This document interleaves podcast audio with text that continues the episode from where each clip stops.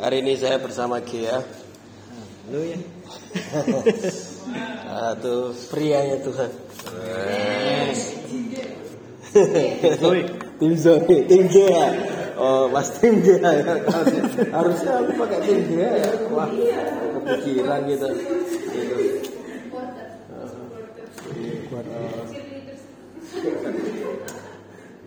Ya. Oke, eh, kita bisa mulai dengan sesuatu yang baru hari ini eh, karena Tuhan begitu baik karena bersama kita, men.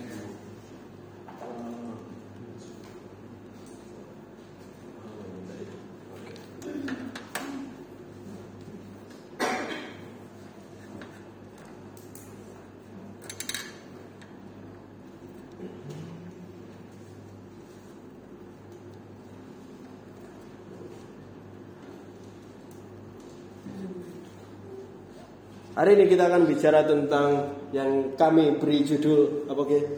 Terlebih. Loh. Mati. Eh, mati juga. Mati semua. Terlebih dulu. Terlebih dulu. Haleluya. Amin. Ah, Sony boleh berdoa untuk kita Son.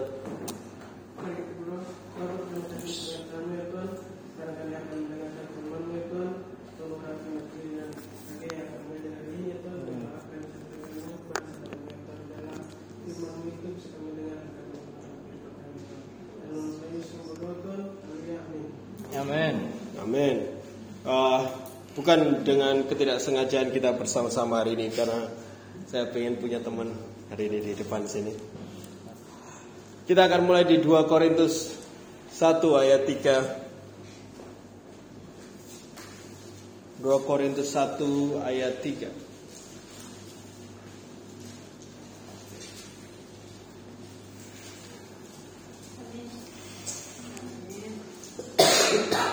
Ayat 3 dan 4.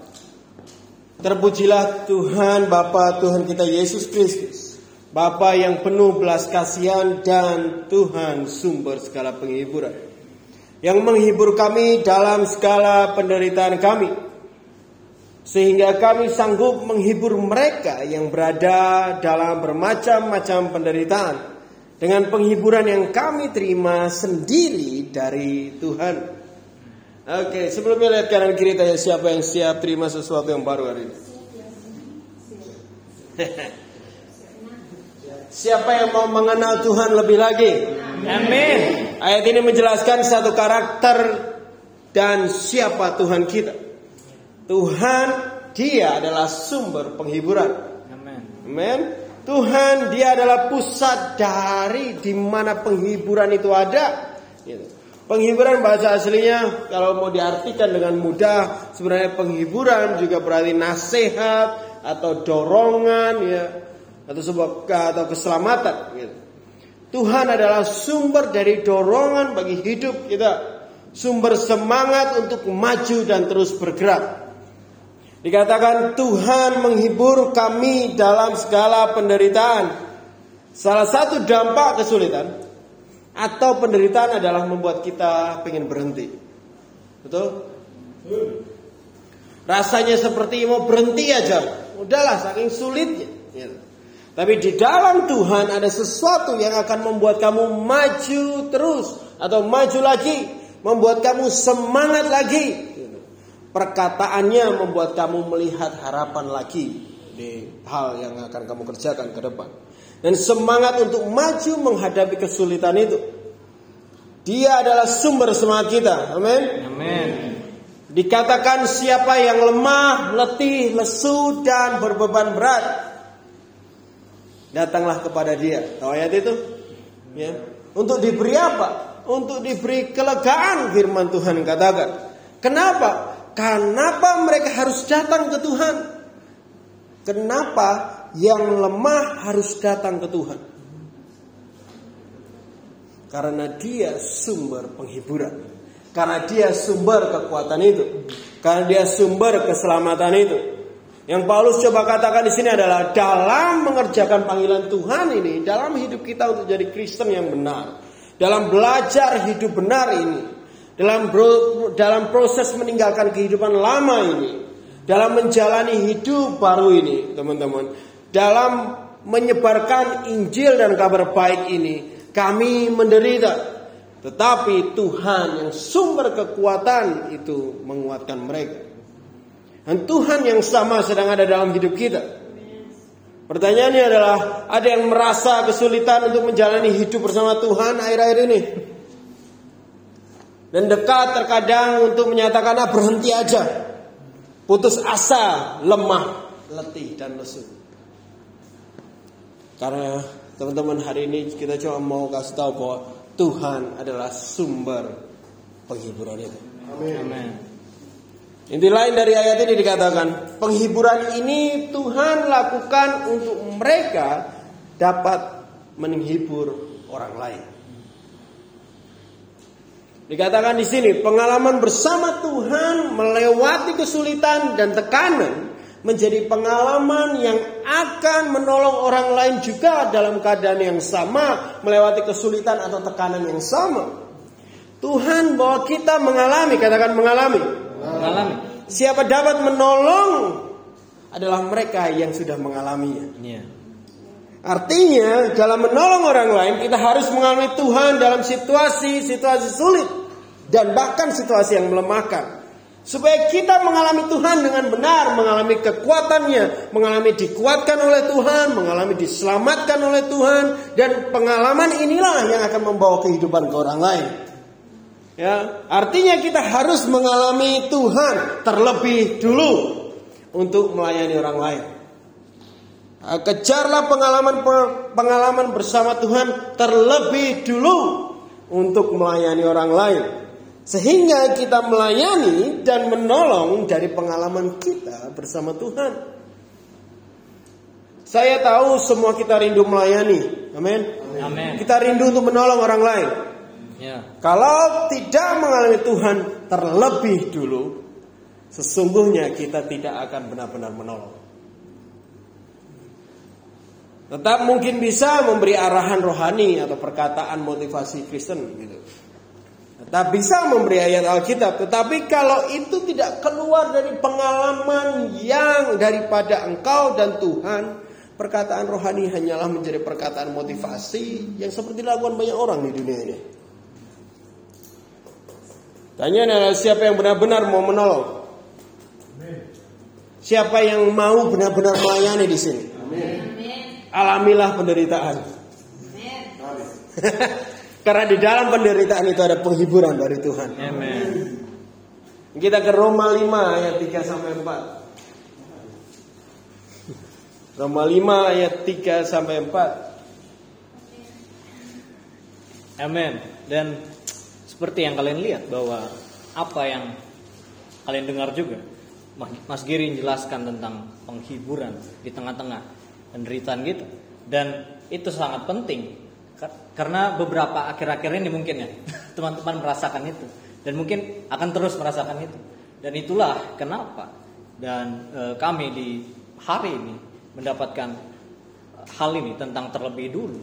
Dan kami akan sharingkan ini untuk membantu dan menguatkan teman-teman. Bagaimana kalian di tengah-tengah kesengsaraan kalian itu penderitaan itu ku- eh, kuasanya ataupun sumber hanya dari firman untuk mengalahkan ataupun membuat kita lebih kuat lagi di tengah penderitaan itu.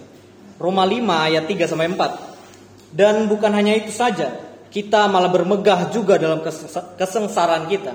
Karena kita tahu bahwa kesengsaraan itu menimbulkan ketekunan. Ya. Dan ketekunan menimbulkan tanuji. Ya. Dan tanuji menimbulkan pengharapan. Dan ada tiga hal di sini. Yang pertama yaitu tentang kesengsaraan kita sendiri. Kita merasa bahwa minggu-minggu ini, akhir-akhir ini, ah, kok aku menderita ya? Kok aku jadi orang Kristen yang benar? Kok aku masuk komunitas ini terus merasakan banyak hal yang baru? Terus kok aku makin down? Enggak. Kita lihat bahwa setelah kesengsaraan yang dihasilkan adalah ketekunan. Itu adalah pembelajaran atau proses pendewasa, pendewasaan kita. Dan di dalam ketekunan, kita kita benar-benar tekun, kita benar-benar taat di situ, ada tahan uji, Ya. perseverance di situ. Ya. Dan firman ini cukup jelas mengatakan hal-hal kesengsaraan dengan percaya pada tangan Tuhan yang akan bekerja di masa sulit kita. Amin. Sehingga kesengsaraan itu akan menimbulkan ketekunan, ketekunan itu akan uh, menimbulkan bukan dari dalam kita, maksudnya ketika kita sengsara, kita bukan bermegah, ah, sengsara nih, jadi menderita. Tapi dalam kesengsaraan itu kita malah bersuka cita sebenarnya. Karena Tuhan udah kasih penghibur di Korintus, bahkan di eh, Yohanes bilang dia akan mengirim roh penghibur atau para kaleo waktu itu. Dan roh penghibur itu ya roh kudus itu sendiri yang akan yeah. membantu kita. Dan makanya di dalam kesengsaraan itu ingat bahwa itu juga adalah karunia dari Tuhan yang penuh kuasa, yang bekerja di dalam setiap kesengsaraan kita. Yeah. Dan kesengsaraan itu akan menimbulkan suatu ketekunan dan akan bertambah uh, oleh latihan iman kita. Jadi anggap aja kesengsaraan yang kita hadapi, ke menderita ataupun hal-hal yang membuat kita uh, discourage, sedih gitu, khawatir. Anggap aja itu training aja buat kita di dunia ini. Yeah. Dan kerennya ketekunan menimbulkan tanuji. Ketika kita udah terbiasa ataupun mendapatkan sesuatu lagi e, serangan ataupun kita berperang akan bergumul untuk permasalahan kita. Kita udah tahan uji. Oh, ya udah, biasa aja yang kita hadapi ini. Kita terus bertahan uji sampai akhir penghakiman. Makanya orang-orang yang memiliki ketekunan atau di dalam kesengsaraannya akan menghalang penghiburan yang berasal dari Tuhan. Ya. Penghiburan itu akan semakin melimpah ketika kesengsaraan bertambah. Gimana nih maksudnya nih? kok ketika kita e, bertambah ketekunan sengsara kita malah e, maksudnya ketika kesengsaraan kita bertambah ketekunan kita juga bertambah ya itu ketekunan itu menimbulkan tanuji. Dan melalui kesengsaraan itulah dapat menguji ketulusan kita sendiri sebenarnya. Kita tulus nggak sih ikut Tuhan? Kita tulus nggak sih? Ketika kita menjadi orang Kristen ketika kita berjalan gitu. Terus kita bilang aku nih Kristen loh. Tapi ketika ada masalah kita malah jauh dari Tuhan malah yeah. ah, kita lupakan doa. Kita malah lupa bahwa kebaikan kebaikan Tuhan udah ada dalam diri kita dan uh, itulah sebabnya kesengsaraan semacam itu disebut sebagai ujian sebenarnya. Dan uh, gak usah buka tapi di Ayub 2 ayat 3 itu dibilang waktu itu uh, iblis mau mencobai uh, Ayub waktu itu. Terus Tuhan izinkan itu, itu sebenarnya untuk menguji Ayub. Dan dibilang bahwa di ayat itu Ayub ini ada orang yang saleh dan tekun iman. Nah, pertanyaannya adalah kok bisa orang yang tekun imannya, orang yang saleh seperti Ayub, bahkan mungkin kita di proses itu malah mendapat kesengsaraan itu. Semua e, ternak-ternaknya habis di, dicuri, bahkan e, anak-anaknya dan semua hilang, bahkan dia punya uh, beberapa translate bilang borok ataupun penyakit gitu. Dan yeah. Tuhan datangkan itu untuk apa? Untuk menguji bahwa si Ayub tahan uji nggak ya? Ayub tetap berserah nggak sama Tuhan. Yeah. Dan akhirnya di ayat pasal yang terakhir itu 42 kalau nggak salah. Dan itu Tuhan melimpahkan lagi. Kalau kalian bisa baca lagi dan studi tentang Ayub, bagaimana kesalehan seorang uh, orang yang dilimpahkan oleh Tuhan, orang yang takut akan Tuhan, tapi ternyata mendapatkan ujian itu tapi lihat garis akhirnya, ada pengharapan dan Ayub bisa lulus dari ujian itu. Ya. Yang kita perlu sadari adalah kekuatan Tuhan ada di saat kita lemah. Amin. Penghiburan Tuhan datang saat kita kesulitan. Iya. Keselamatan Tuhan datang saat tertekan. Nasihat dorongan Tuhan hadir bahkan waktu kita lemah dan lemah. Artinya penderitaan yang dialami membawa kita lebih mengalami Tuhan. Siapa yang mau lebih mengalami Tuhan di sini? Amen. Dan penderitaan ini adalah penderitaan karena terus maju melakukan atau mengajarkan kebenaran. Yeah. Gitu. Sekali lagi penderitaan yang dialami membawa kita lebih mengalami Tuhan. Yeah. Ingat baik-baik itu. Catat baik-baik. Ya. Dan penderitaan ini hanya terjadi kepada mereka yang berjalan dalam kebenaran yang dan yang berjalan menyebarkan kebenaran juga. Ini adalah mereka yang aktif bergerak untuk kerajaan Tuhan, aktif bergerak untuk kebenaran Tuhan. Siapa yang mau mengalami Tuhan? Amin. Harus menderita dulu. bergerak dulu, bergerak maju terus dalam kebenaran yang Tuhan miliki bagimu. Wow. Nah, hal yang luar biasa bagi kita bahwa inti dari ini adalah gimana kita terlebih dulu, katakan terlebih dulu. Terlebih dulu. Terlebih dulu. Terlebih dulu untuk mengalami Tuhan. Dan penderitaan membawa pengalaman itu. 1 Korintus 1 ayat 11.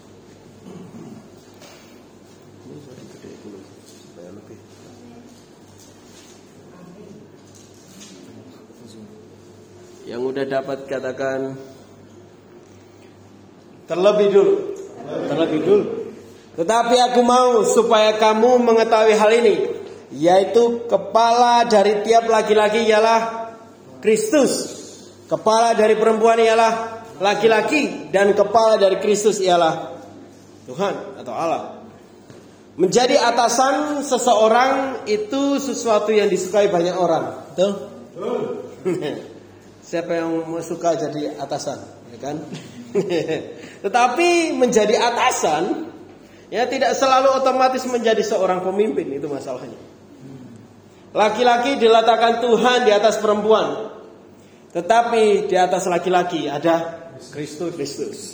Karena sebagai manusia kita suka untuk jadi atasan, kita sering dengan kita lupa dengan karakter kita harus juga di bawah.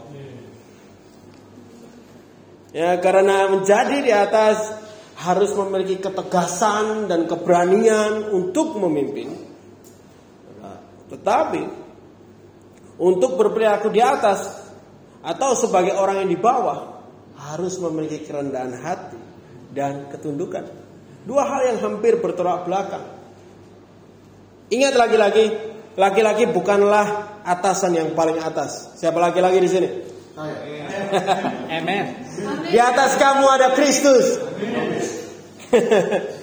Di waktu yang sama, laki-laki atau suami harus membangun karakter sebagai pemimpin istri. Tetapi jangan lupa kamu harus juga membangun karakter sebagai pengikut Kristus. Iya. Kamu di atas istri tapi kamu di bawah Kristus. Kedua perilaku atau sikap ini harus menjadi fokus yang bersamaan dan seimbang di dalam hidup kita jadi laki-laki. Mana laki-laki ini? Katakan amin. Kita tidak hanya memimpin istri tetapi kita harus juga dipimpin oleh Kristus. Sebenarnya kita harus dipimpin Kristus dulu. Kemudian kita memimpin istri. Iya.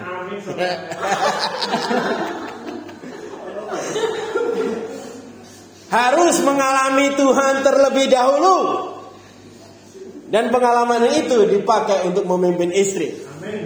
Ya. Kita suami, hei suami-suami. Kita laki-laki, hei laki-laki.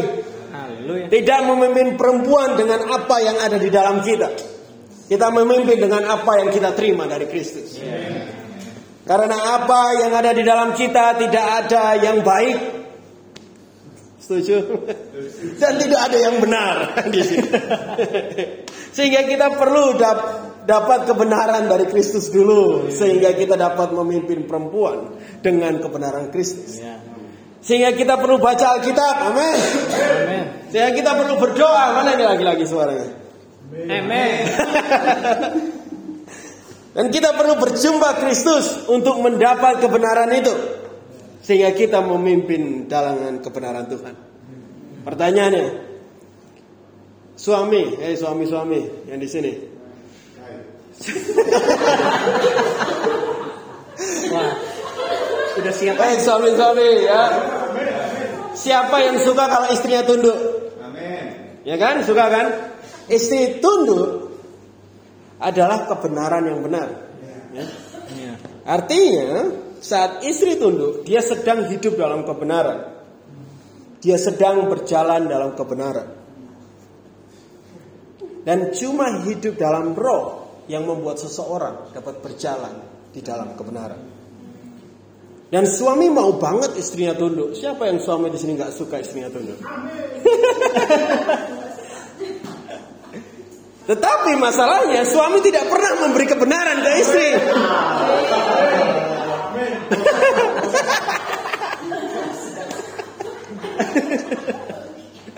yang diberi adalah kedagingan yang ada di dalam kita, bukan kebenaran yang kita terima dari Tuhan.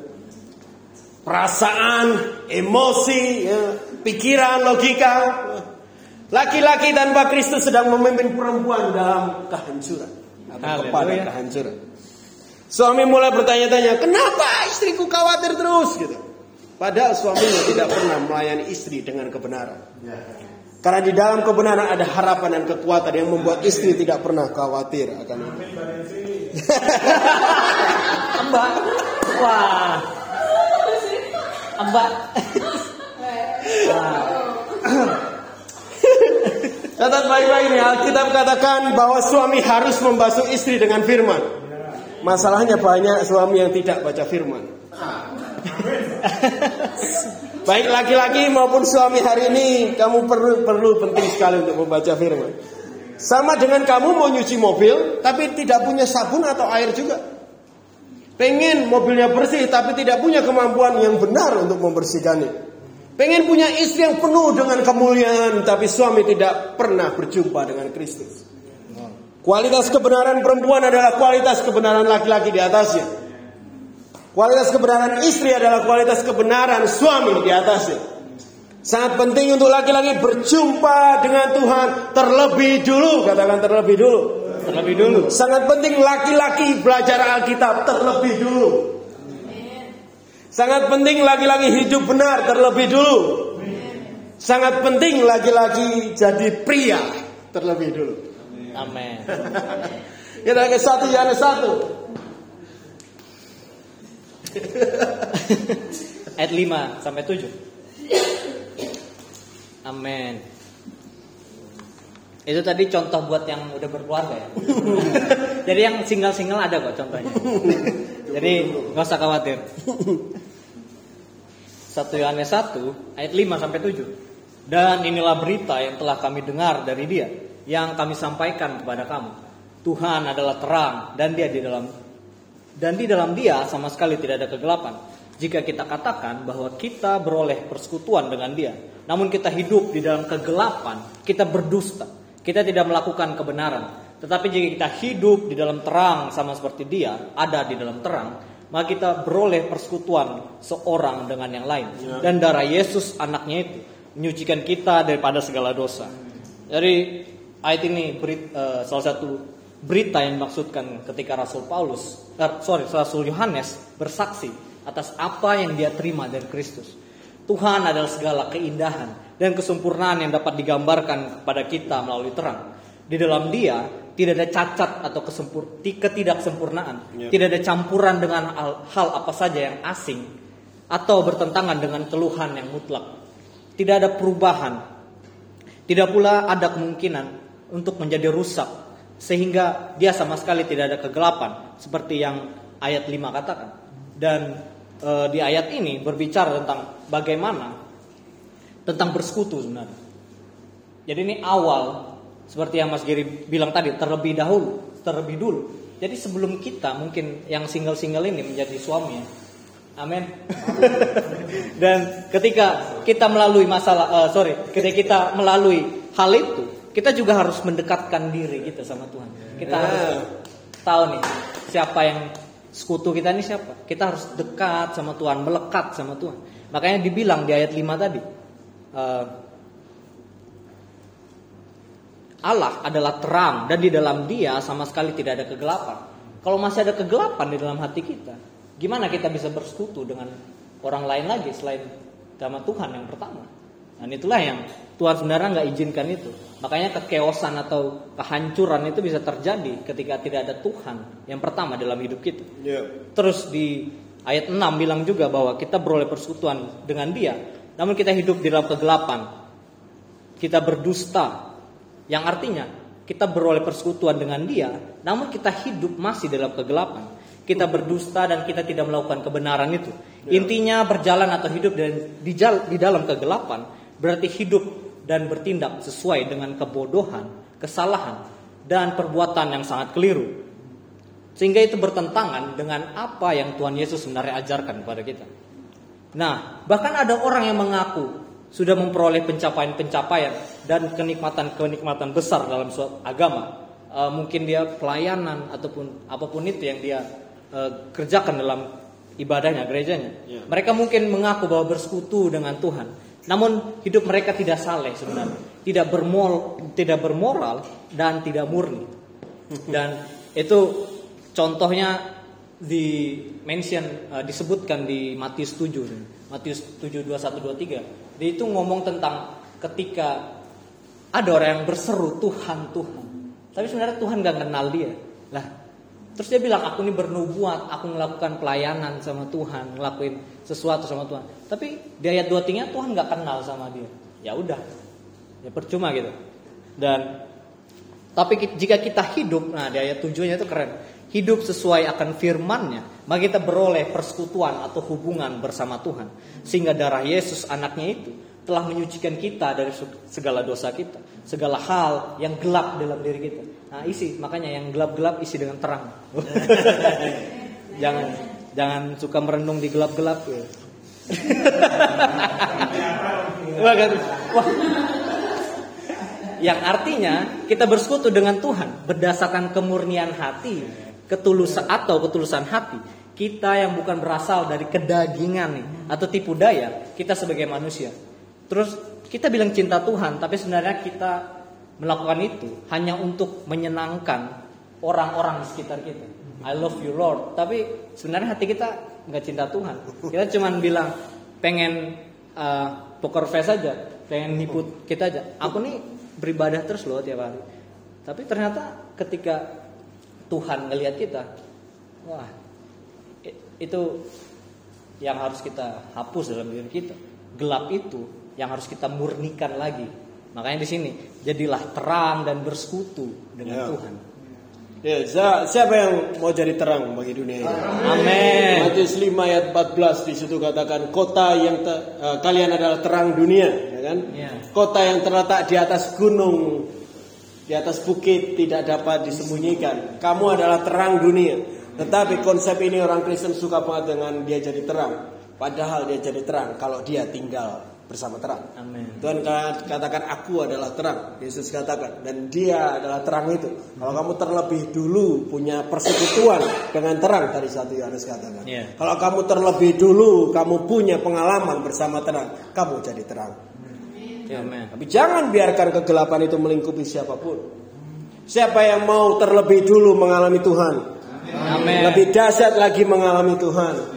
Baik segala kondisi yang kita alami, supaya hal itu bisa terjadi juga bagi orang lain. Ya. Karena terlebih dulu kita, sehingga kita dapat melayani orang lain. Apa yang membuat kita gagal dalam proses ini? Kita yang membuat kita gagal masalahnya yang sering terjadi dalam hidup kita. Saya ke Matius 17.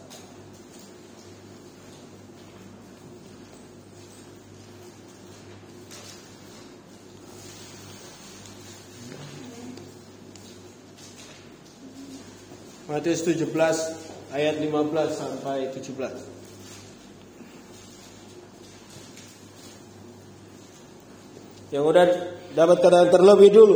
Terlebih dulu. Katanya Tuhan kasihanilah anakku. Ia sakit ayam dan sangat menderita.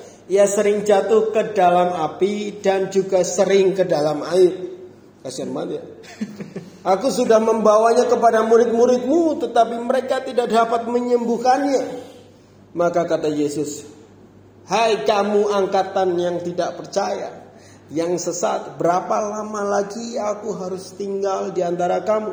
Berapa lama lagi aku harus sabar terhadap kamu? Bawalah anak itu kemari. Sehingga cerita anaknya sembuh. Hmm. Puji Tuhan. Wow. Siapa Kristen di sini? Semua Kristen di sini? Kristen. Saya kira saya khotbah di gereja Bawang. Murid-murid pada waktu itu mencoba untuk melakukan penyembuhan seseorang. Tapi ternyata tidak bisa. Padahal mereka sudah mengikuti Yesus cukup lama di poin ini. Ini pasal 17. Sudah banyak hal yang mereka lewati bersama dengan Yesus. Mereka tidur, makan dan melihat semua mujizat bersama Yesus. Melewati pengajaran di atas bukit yang pasal 5 dan lain-lain. Udah banyak hal gitu. Tuhan Yesus menegur mereka bahwa mereka bermasalah dan butuh Tuhan Yesus bilang, berapa lama lagi aku, Yesus harus bersama kamu, bersama mereka. Mereka gagal untuk mengalami Yesus walaupun mereka bersama Yesus. Seberapa banyak orang gagal menjadi Kristen walaupun mereka masih KTP-nya Kristen. Karena mereka merasa sudah lama Kristennya. Mereka merasa kita bisa hidup benar secara otomatis. Mereka sudah mengikuti Yesus lama bukan berarti mereka langsung menjadi apa yang Yesus mau mereka jadi atau jadi seperti Yesus. Menjadi suami yang dinikahkan di dalam gereja tidak membuat kamu otomatis menjadi suami yang takut akan Tuhan dan berjalan dalam kebenaran. Ya. Menjadi anak muda yang selalu ikut kegiatan gereja, jadi panitia retreat, panitia camp, pemain musik dan lainnya tidak membuat kamu jadi anak muda yang benar otomatis. Karena nyatanya murid-murid sudah lama bersama Yesus tapi tetap tidak dapat percaya. Bukan masalah nggak bisa menyembuhi, nyembuhinya. Mereka dilihat Yesus ketidakpercayaan. Dan kita mungkin bertanya-tanya gimana mungkin itu terjadi. Mereka sama Yesus terus kok bisa tidak percaya. Iya.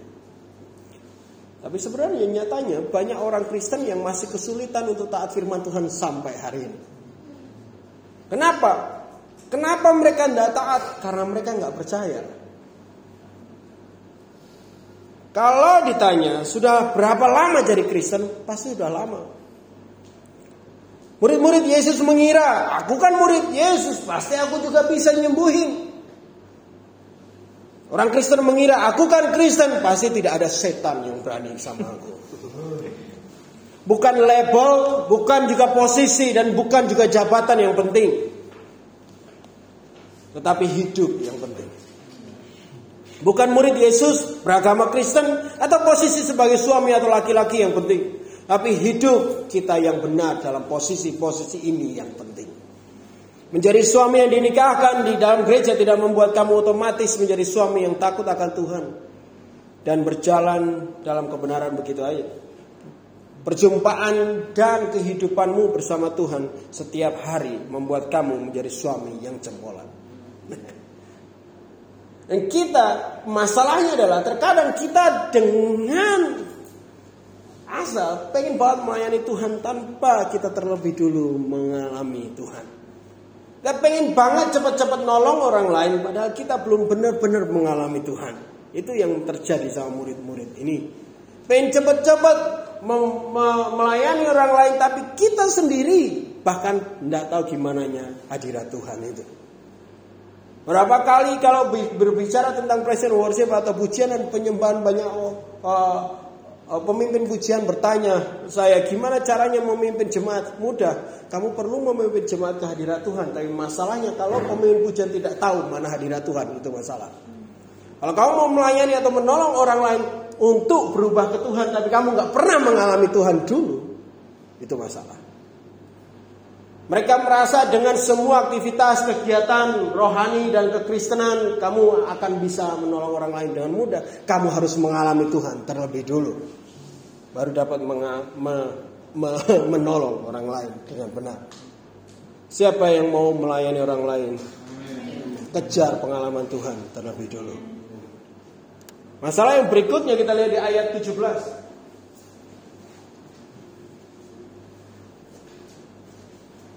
Pasal.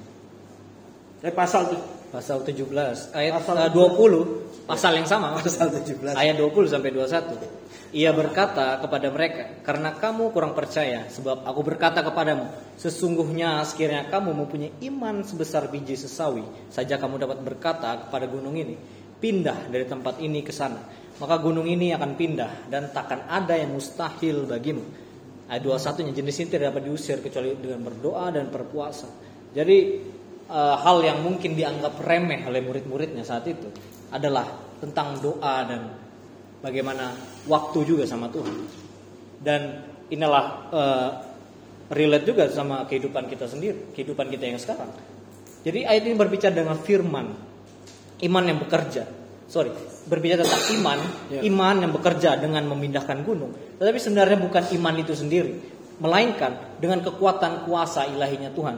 Makanya eh, ketika Tuhan Yesus, eh, ketika murid-murid mau menyembuhkan ataupun mengusir demon atau setan yang ada di sudah sakit ayan, terus keterasukan setan lagi kan itu ke paket komplit ya.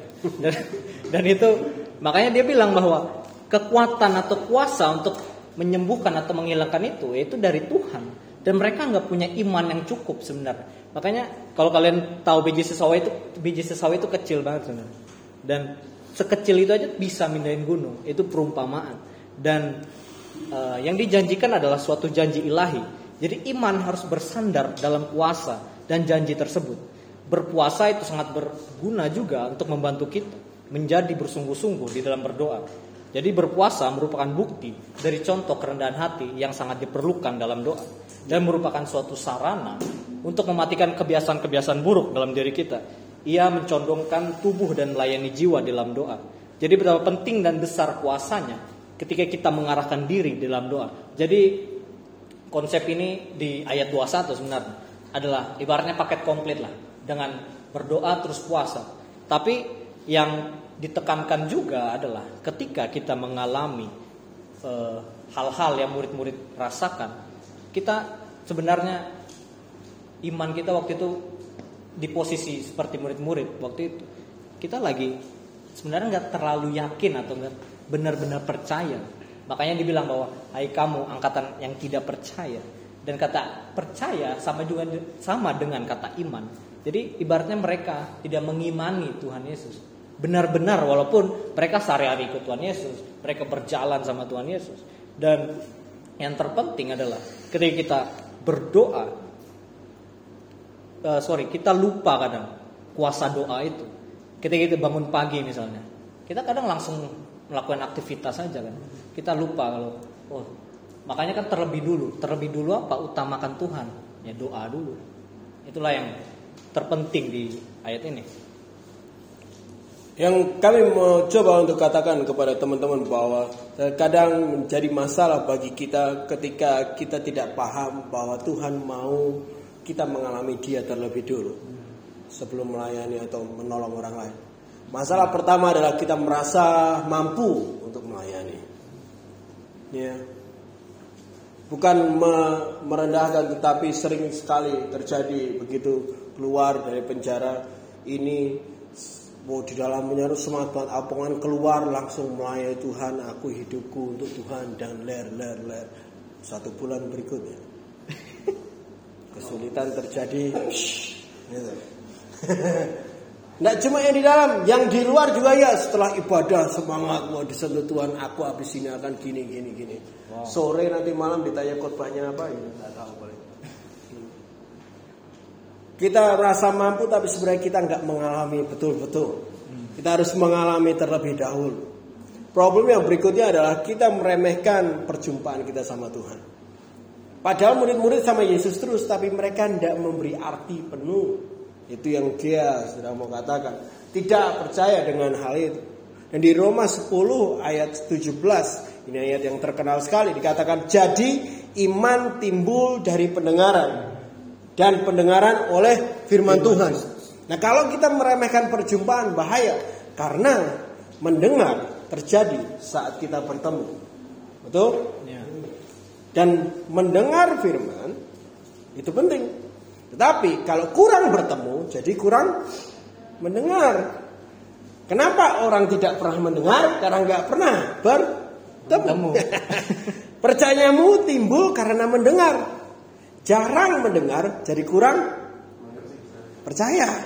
Mengerti juga. Kalau percaya itu penting, jadikan pertemuan bersama Tuhan itu juga penting. Amin. Alias jam doa itu penting. Haleluya. Ya, Ka- kamu mau orang lain bertemu Tuhan, tapi kita kadang malas ketemu Tuhan. Kamu mau orang lain ketemu Tuhan, kamu harus ketemu Tuhan terlebih dahulu. Kamu harus ketemu Tuhan terlebih dulu. Imanmu bertumbuh terlebih dulu. Percayamu kuat terlebih dulu. Baru layanilah yang lain. Masalah yang berikutnya ada di Yohanes 6 ayat 60.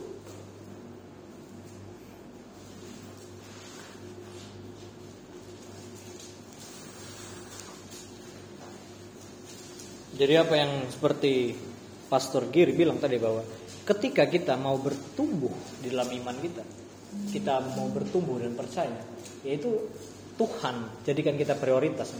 Jadikan dia yang utama, makanya terlebih dulu. Dan di contoh uh, Yohanes 6 ayat 60 sampai 64 ini kita akan melihat bagaimana ketika murid-murid menganggap bahwa kayaknya nggak terlalu penting deh apa yang Tuhan sharingkan waktu itu saat itu sesudah mendengar semuanya itu banyak dari murid-murid Yesus berkata perkataan ini keras. Siapakah yang sanggup mendengarkannya? Yesus di dalam hatinya tahu bahwa murid-muridnya bersungut-sungut tentang hal itu. Berkata kepada mereka adakah perkataan itu menggoncangkan imanmu? Ayo yang kadang kalau Pak Bren, Mas Giri sharing kan, sharing atau khotbah kita ngerasa ini benar nggak ya? ini kok mengguncang iman saya? Terus di ayat uh, lanjut ayat 62-nya dan bagaimanakah jika kamu melihat anak manusia naik ke tempat di mana ia sebelumnya berada? Rohlah yang memberi hidup, daging sama sekali tidak berguna. Perkataan-perkataan yang kukatakan kepadamu adalah roh dan hidup. Jadi ini salah satu isi utama, maksudnya konteks utama yang Tuhan sharingkan saat itu. Tetapi di antaramu ada yang tidak percaya, sebab Yesus tahu dari semula siapa yang tidak percaya dan siapa yang akan menyerahkan dia. Dan di ayat terakhir dari pasal ini berbicara tentang murid-murid meninggalkan uh, Tuhan Yesus waktu itu. Dan itu sebenarnya uh, bisa dibilang hal yang wajar karena kita bisa lihat bahwa ketika kita menaruhkan atau meletakkan Tuhan Yesus yang jadi terutama ya. atau yang terpenting dalam hidup kita. Bagi sebagian orang itu mungkin kita deal dengan itu. Kita bisa uh, membuat oh ya Tuhan yang terutama. Tapi beberapa orang bahkan ini murid-muridnya Tuhan, murid-murid Tuhan yang udah ngikut dia, belusukan bahasanya dan ibaratnya ngelakuin uh, ngelakuin mujizat melihat bahwa kebesarannya Tuhan, kuasanya Tuhan. Tapi akhirnya ketika Tuhan bilang e, firman yang kukatakan padamu adalah roh dan hidup, yang artinya adalah ketika Tuhan menyatakan atau memberikan sesuatu yang agak keras ataupun kebenaran itu, makanya e, kebenaran adalah kebenaran. Ya walaupun terdengar sulit, tapi harus menderita demi Kristus. Ya. Sehingga kita juga harus menyadari kebenaran Tuhan yang hendak dia katakan yeah. melalui pemimpin kita untuk menegur atau menguatkan hidup kita. Jadi pegang setiap pengajaran tentang kebenaran yang pemimpin kita bagikan. Jadikan itu kekuatan untuk memperkuat atau mempertegas iman kita. Sehingga Tuhan tidak bilang lagi, Hai kamu angkatan tidak percaya Pasal uh, Matius pasal 17 tadi Melainkan kita jadi orang yang benar-benar mengimani dia Jadikan Tuhan prioritas dalam hidup kita. Katakan prioritas. Dan jadikan di dalam dia yang utama dari apa pun hidup kita. Contohnya kayak bangun pagi gitu, mengucap syukur, terus berdoa, terus taruh Tuhan dalam hati kita di setiap kita melangkah dalam kehidupan kita. Amin teman-teman. Kedua hal ini bicara tentang percaya dan ketidakpercayaan. Gitu. Penting dan tidak pentingnya sesuatu itu bukan tentang apanya, tetapi tentang siapanya. Maksud saya gini. Bagi saya minum kopi di pagi hari itu penting. Bagi Gia tidak terlalu. Ya. Tetapi tadi malam kayak berdiskusi soal minum kopi. Kopinya tidak perlu dirubah untuk kopi itu jadi penting bagi Gia. Hmm. Tapi nilai kopi itu bagi Kia yang perlu dirubah dalam Kia. Bisa ngerti? Akhirnya dari diskusi kami tadi malam, Kia perlu kopi pagi. untuk membantu maksimal fokus ya di hari itu. Ya, bagi bagi kami bertemu Tuhan dan berjalan dalam kebenarannya itu penting. Tapi mungkin bagimu tidak. Yang perlu diubah bukan kebenaran. Amin. Amin. Walaupun kebenarannya kadang sulit dan menggetarkan iman murid-murid dan kita. Ya. Kamu harus berubah melihat melihat kebenaran dan waktu-waktumu sama Tuhan. Kamu yang melihat doanya doanya nggak perlu dirubah dengan segala bentuk apa penghiburan apa hiburan Sekarang banyak gereja merubah ibadah mereka supaya jemaat tidak bosan. Dengan segala macamnya. Ibadahnya Tuhannya tidak perlu berubah yang perlu berubah kitanya sebagai manusia. Amin. Supaya kita melihat waktu-waktu sama Tuhan jadi penting. Gimana caranya? Siapa yang mau? Siapa yang mau punya kehidupan Tuhan yang harmonis dan lebih dulu? Kita mau menikmati waktu-waktu kita sama Tuhan. Yohanes 7 ayat 38. Amin. Jadi inti dari uh, ayat yang kita baca sebelumnya adalah bagaimana kita terus ataupun berpegang teguh dalam apa yang diprioritaskan Tuhan itu. Jadi kebenaran ya kebenaran. Dan kadangkala kita ngelihat kebenaran itu ya sudut pandang kita aja yang berbeda. Dan aku percaya bahwa ketika murid-murid ngelihat itu, ngelihat bahwa wah kayaknya kok tough ya, kayak keras banget ya firman yang hari itu di uh, sharingkan oleh Tuhan Yesus. Makanya mereka pada keluar gitu. Nah, tapi kita lihat bahwa ada loh yang masih bertahan. Jadi nggak semuanya langsung zero gitu, langsung empty, kosong. Nah, ini adalah salah satu hal yang penting ketika kita menjadikan prioritas uh, menjadikan Tuhan jadi prioritas di hidup kita. Yohanes 7 ayat 38, barang siapa percaya kepadaku atau barang siapa yang mengimani Tuhan Yesus seperti yang dikatakan oleh kitab suci, dari dalam hatinya akan mengalir aliran-aliran air hidup.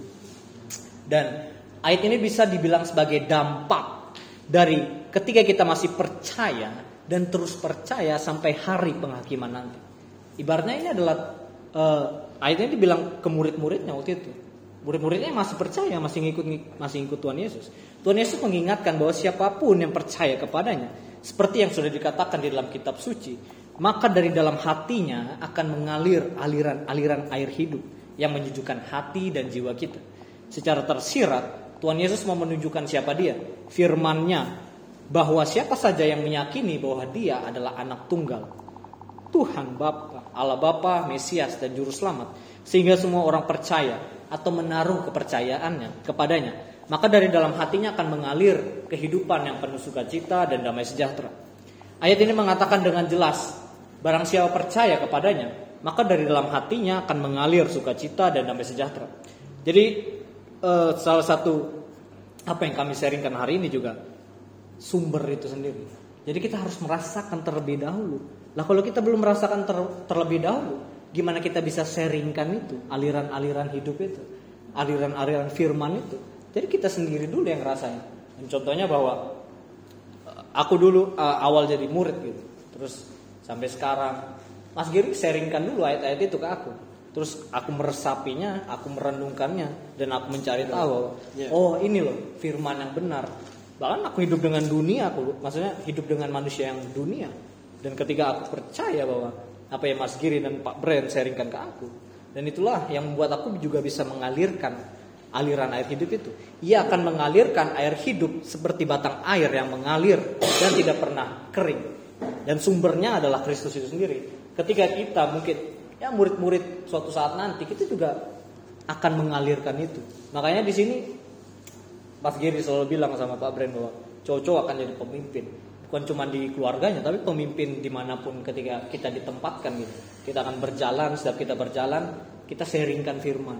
Kita alirkan aliran firman itu. Amin. dan buat orang-orang yang mendengar apa yang kita sharingkan itu jadi percaya. Nah orang yang dengar dari kita sharingkan lagi firman jadi source-nya atau sumbernya yaitu dari firman Tuhan dan dari apa yang kita pelajari sekarang sampai saat ini Amin. Yohanes 15 ayat 4. Yohanes 15 ayat 4. Yang sudah dapat katakan terlebih dulu. Terlebih dulu. Tinggallah di dalam aku dan aku di dalam kamu. Siapa seperti sama seperti ranting tidak dapat berbuah dari dirinya sendiri. Ya. Kalau ia tidak tinggal pada pokok anggur, demikian juga kamu tidak berbuah. Jikalau kamu tidak tinggal di dalam aku, Gimana caranya kita bisa mengalami Tuhan terlebih dulu? Ini adalah gambaran yang terjadi saat kita percaya. Menempel. Katakan menempel. Menempel. Melekat. Katakan melekat. Melekat. Kalau kamu melihat hidupmu sebagai ranting yang seperti dalam Alkitab ini, Alkitab ini katakan adalah sangat penting untuk sebuah ranting itu melekat pada pokok pohonnya. Itulah kehidupan yang disebut percaya kepada Tuhan. Untuk kehidupan ranting itu sendiri sebenarnya. Mempercayai Tuhan sangat penting. Karena itu membuat kamu hidup. Siapa yang merasa akhir-akhir ini soleh semakin hidup? Amin. Karena kepercayaan dia terhadap Tuhan. Ya. Dengan mengambil langkah-langkah yang nyata untuk meninggalkan hidup lamanya. Amin. Lamanya sepenuhnya. Dan bahkan semua pintu masuk untuk kehidupan lama itu. Termasuk handphone. Amin saudara. Ini bukti bahwa semakin kamu percaya, kamu semakin hidup. Ya. Semakin kamu percaya, kamu semakin terang. Gitu. Mau menghidupkan orang lain, Amin. kamu harus hidup terlebih dulu. Iya. Yes. Orang mati tidak bisa membawa kehidupan. Kalau kita mati, kita nggak bisa bawa hidup kepada siapa pun. Jadi kita harus dihidupkan terlebih dulu. Jadi percayalah, melekatlah, tinggallah bersama Tuhan setiap hari, menikmati Tuhan setiap hari, bertemu Tuhan setiap hari. Suami-suami bertemu Tuhan setiap hari. Harus percaya Tuhan. Amin. Ketidakpercayaan akan berdampak kepada kematian, tetapi kepercayaan membawa kepada kehidupan. Ya. Itu caranya. Cara berikutnya ada di Yeremia 17.